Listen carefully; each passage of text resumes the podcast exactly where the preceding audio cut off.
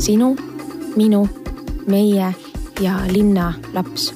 lugu sellest, kuidas üks vanaema oma lapse hooldusõigusest ilma jäi.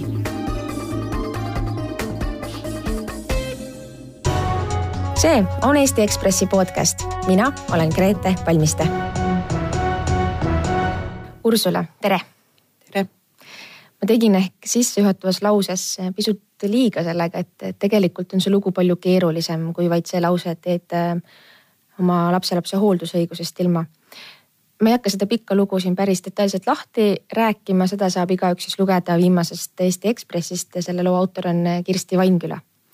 aga praegu me räägime korraks veel sellest poolest ja, ja teie vaatenurgast sellest, sellele, kogu sellele kaasusele, mida võib-olla lehes jäi natuke puudu. leht ei ole kummist, kõike me sinna sisse panna ei saa et äh, käime läbi veel korra ja saate oma mõtteid öelda ja oma kogemusest rääkida, et ehk on, ehk on kellegi sellest veel kasu. Läheme korra tagasi, võib-olla alustame sealt, äh, kui äh, teie tütar Anu, nimetame teda nii, nagu siin leheski kirjas on, tuli teie juurde või kui te saite teada, et ta on lapseootel. no uue eluilma tulek tegelikult on ju rõõmus sündmus. oli see teie jaoks rõõmus sündmus? ja loomulikult oli mäletate seda päeva? jah, mäletan. ma olin veel tööl. kui tütar helistas, et nüüd on aeg mm.. ma oleks väga tahtnud tema juures olla sel hetkel mm. -hmm. et tegelikult äh, ütleme vanaema ja, ja vanaisa poole pealt või siis äh, vaadates teie pere poole pealt, ta oli ikkagi oodatud laps ja te olite valmis tema tulekuks. jah et selgus sünni järel Onul ei olnud kõige kergem võib-olla olla. ja ma arvan, et see ei ole sugugi mitte haruldane, kõigil emadel kohe võib-olla ei löö see instinkt välja veel enam, kui me teame, et Anu oli ainult kahekümne aastane. ja see oli tema esimene laps. ja eks seda kõike oligi hästi palju. Mm, millal te esimest korda kuulsite, et, et lapsekaitse, lastekaitse hoiab Anul silma peal? ma sain juba alguses kohe, kui mu tütar lapse sai, et tal on abi vaja. ja, ja seda kõike ma ka pakkusin talle. ja mul ei oleks mitte midagi selle vastu, kui keegi veel oleks meid aidanud mm. -hmm. ja pakkunud niisugust abi, mida noor ema vajas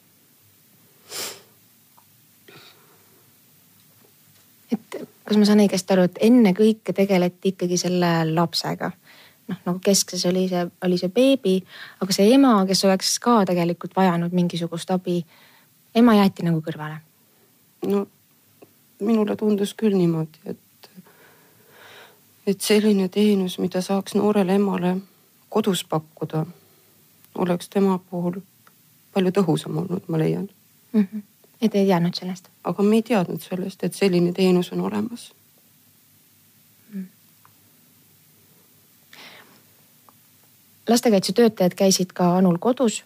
Äh, seda on siin artiklis ka kirjeldatud, et, äh, et nad märkasid, märkisid üles asju, mis neile ei meeldinud, mille pärast nad arvasid, et, et Anu ei, ei saa selle väikse beebi hooldamisega perfektselt hakkama kui palju te nende inimestega kokku puutusid, kes seda hindasid, millise mulje need jätsid teile? mulje ei olnud eriti hea, et sest mina, mulle nagu tundus, et need olid nagu osaliselt otsitud põhjused.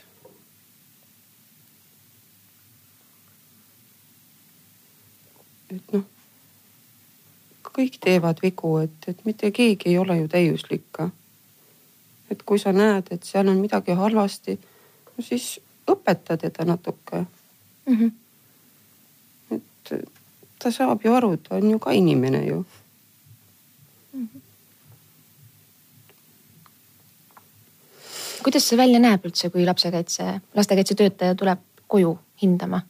kas nad teatavad ette või koputavad ukse peale ja marsivad sisse lihtsalt? No tegelikult äh, nad peaksid ikkagi ette teatama ja, ja kindla päeva ja kellaaja ikkagi kokku leppima.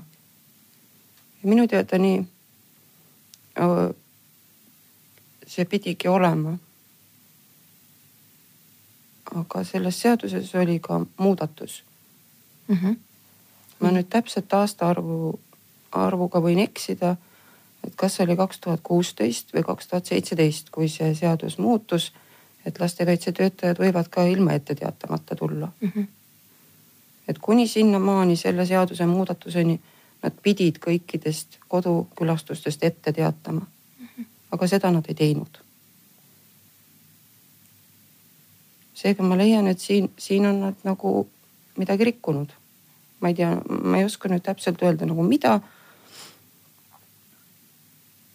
jäänud head tunnet ühesõnaga. et mul ei jäänud nagu head tunnet, et, et laps pidi elama kogu aeg selle teadmisega, et iga kell võib keegi tulla mulle koju mm. -hmm. et noh. mina leian, et see on nagu inimõiguste rikkumine juba, et et minu kodu on ikkagi minu kindlus, kus mina elan. ja igaüks ikka ei tohi ju sinna sisse trügida. Et mingi privaatsus peab ju ka olema mm. -hmm. kui palju teiega suheldi, kui palju küsiti, et äh, kuidas te saate aidata Anu, kuidas te saate toeks olla või? ja mulle ka helistati, et, et kuidas läheb ja ma ütlesin, et minu meelest saab mu tütar päris ilusti hakkama oma lapsega, et, et ma ei, ma ei näe, et seal midagi niisugust on, mis nagu lapsele kahjulik on või, või, või ohtlik on või. et noh, kõik need pisidetailid, mis nagu ma näen, et, et nii ei tohi olla, neid ma ka lapsele seletasin mm. -hmm ja ma arvan, et ta sai ju aru nendest, et, et neid puud või neid, kuidas ma nüüd ütlen.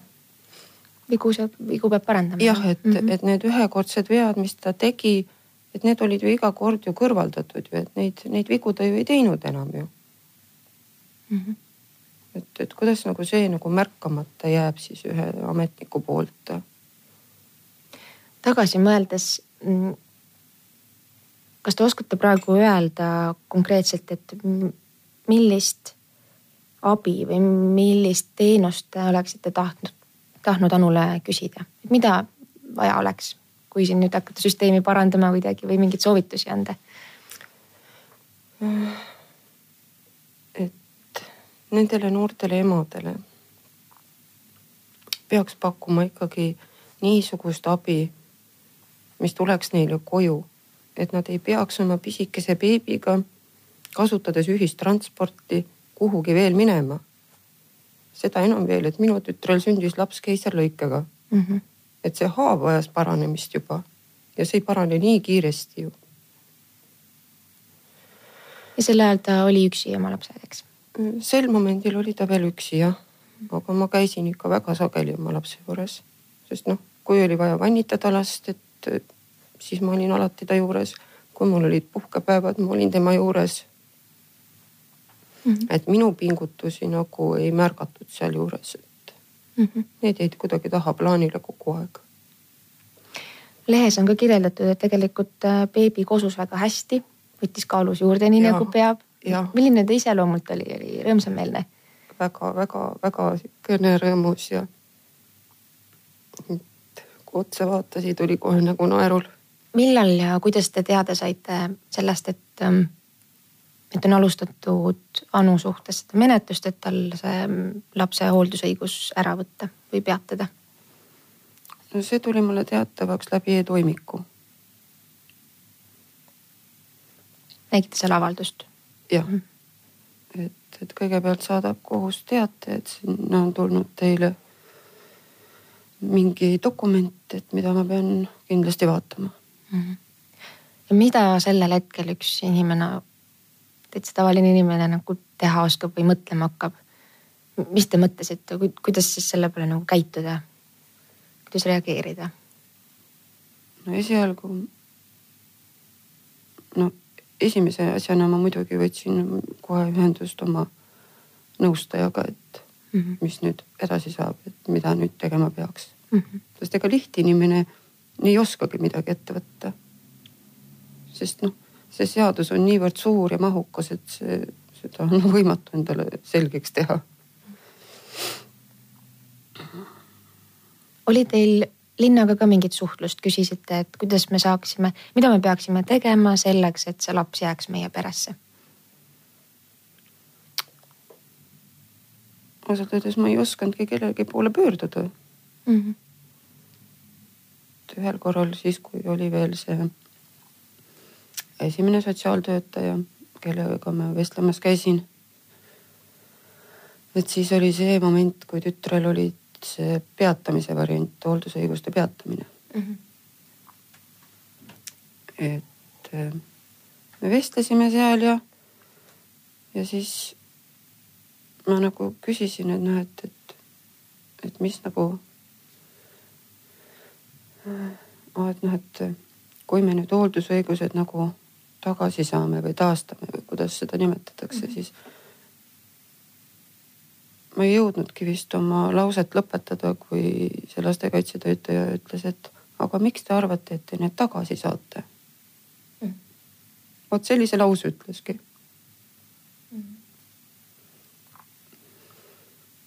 ja siis, kui me käisime aru pärimas, et kuidas on see võimalik, eks ole, et mul on avaldus sisse antud ja te annate juba lapsendamisloa. siis vastas meile see vanem spetsialist,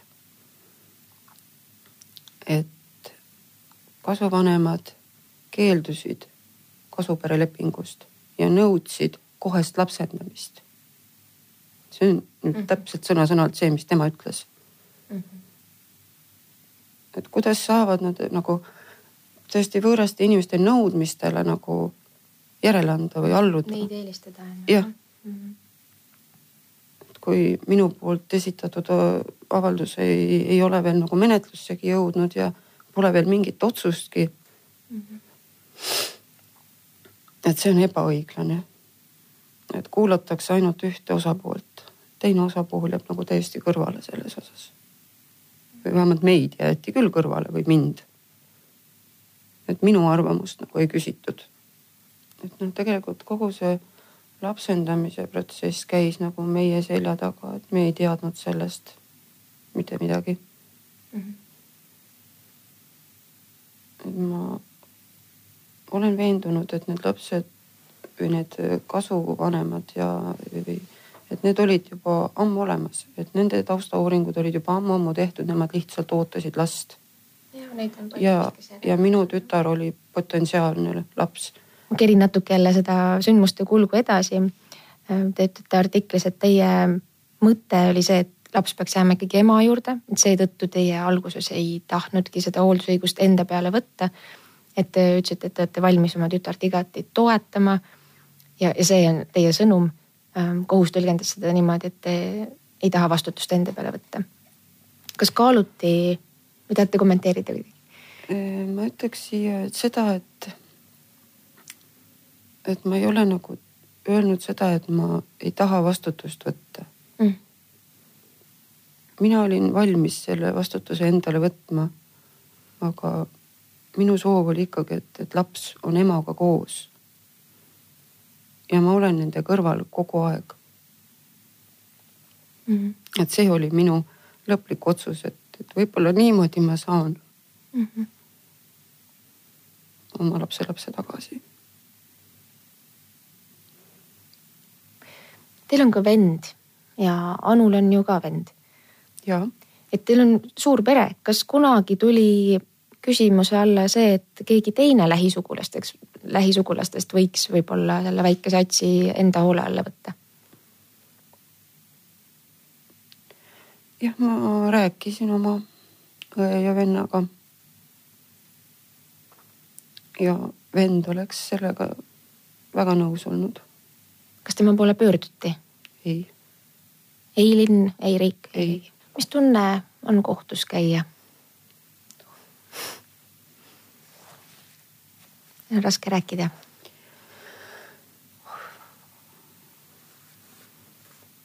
ei ole hea tunne. See on raske mm. -hmm. kuigi teil oli nagu juriidiline nõustaja, siis te ikkagi tundsite, et see on, käib üle, üle jõu. vahepeal küll mm.. lõpuks siiski andsite sisse avalduse, et siis olete valmis seda hooldusõigust võtma. ja siis selgus, et, et veel enne, kui teie avaldus jõuti menetlusse võtta, oligi lapsendamisotsus tehtud. Milline teie suhtlus oli nende tööt-, lastekaitsetöötajatega? et kuidas nad teile põhjendasid, miks juba on see lapsendamisotsus tehtud? meil ei põhjendatudki mitte midagi. meile isegi ei öeldud, et meie laps läheb lapsendamisele. kas ma saan õigesti aru, et see hetk, kui, kui te olete vastastikku lastekaitsetöötajaga, siis see on põhimõtteliselt nagu võitlus? jah, minu arust on kogu see asi mul olnud nagu üks suur võitlus ja pead kogu aeg ennast tõestama ja tõestama. just nimelt, et, et sa pead ennast tõestama.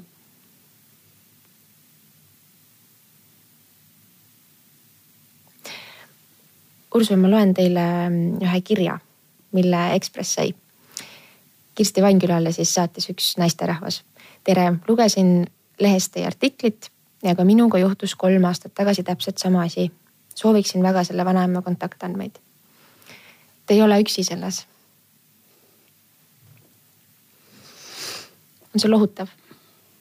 ikka on natukene. nii traagiline, kui see tegelikult on, eks? jah, ikka on lohutav, et. mis näitab jälle seda, et midagi on valesti, et. et midagi peab muutma. sest rääkimine on raske, kuigi sellest mõnda aega on sellest protsessist mööda, aga ma näen, et see on teile väga raske miks te olite nõus tulema täna? peab äh, rääkima.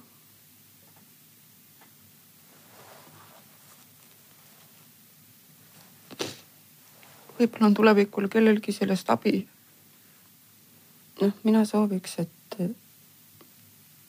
et need otsused, mida kohtunikud nagu langetavad et need oleksid inimlikumad. kas on midagi, mida mm, lastekaitsetöötajad saaksid paremini teha? kindlasti. Ikkagi asi taandub ikkagi nagu inimlikkusele. et kõik me oleme inimesed, kõik me vajame kaitset, et olgu see siis laps või täisealine, teismeealine, vanur. kõik me vajame kaitset. aga et see abi oleks lihtsinimesele nagu kättesaadavam mm, -hmm. mitte suure raha eest sest nagu elu näitab, siis kellel on raha, sellel on võim. et minul saigi takistuseks see, et mul ei olnud võimalik endale palgata advokaati. teate te praegu väiksest Atsist, mis tast äh, saanud on? olete teda näinud? ei ole rohkem kui ainult ühe korra. Ühe korra? viis kuud hiljem, peale lapsendamist. kus te nägite teda? Enda poes, kus ma töötan. ja tundsite ta kohe ära? hääle järgi mm.. et siis lihtsalt kindluse mõttes piilusin, et kas on tema mm..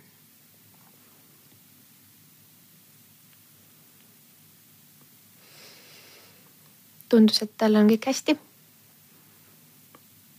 jah. ta oli ikka sama rõõmus kui siis, kui ma teda viimati nägin. ütleme konkreetselt selle Atsi loos.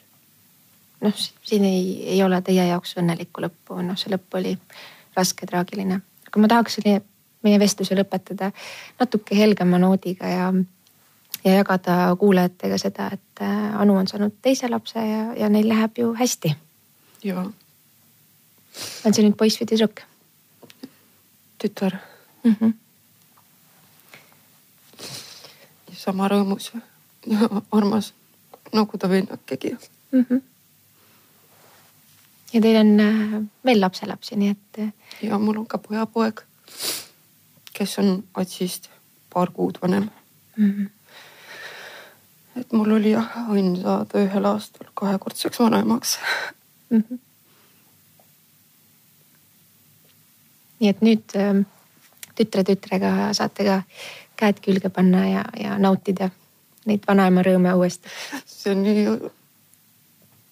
ma ei oskagi öelda. Need on vanaema rõõmud mm. -hmm. vanaemal on ikka privileeg. Mm -hmm. kas on midagi võib-olla, mida Anu on teile öelnud, mida te tahaksite ka jagada kogu selle loo valguses? mingi sõnum, mida või mingi õppetund, mis ta ise on öelnud, et ta on saanud sellest? no mina kõrvalt näen, kui palju mu tütar tegelikult on arenenud selle ajaga mm. -hmm. et ta on ikka väga tubli juba, et ja ma arvan, et ta oleks ka oma poisipojaga hakkama saanud. Ursula, ma soovin teie perele edaspidi rahu ja õnne ja rõõmu ja, ja suur aitäh, et ähm, olite nõus seda rasket lugu tulla jagama, aga ma usun edaspidi äh, teades, et, et on inimesi, kes äh, tahaksid sel samal teemal rääkida, jagades kogemusi, et see natuke läheb kogu aeg kergemaks. aitäh. värskes lehes veel. Madis Jürgen kirjeldab Hanna ja Peeter Ernitsa suhet. kuidas jagavad Maid isa ja tütar, kelle maailmavaated üksteisest kohati sada kaheksakümmend kraadi erinevad. Sulev Vedler uuris, kuhu pangad tema pensioniraha on pannud ja päris selget sotti sellest ei saanudki. Krister Kivi pinnis poliitikutelt, kuidas ikkagi suhtuda kanepi legaliseerimisse ja areenis on arvustus uuest Eesti filmist Põrgujaan, kõigi aegade kõige täiuslikum Eesti film. mis mõttes seda öeldakse, lugege värskest Ekspressist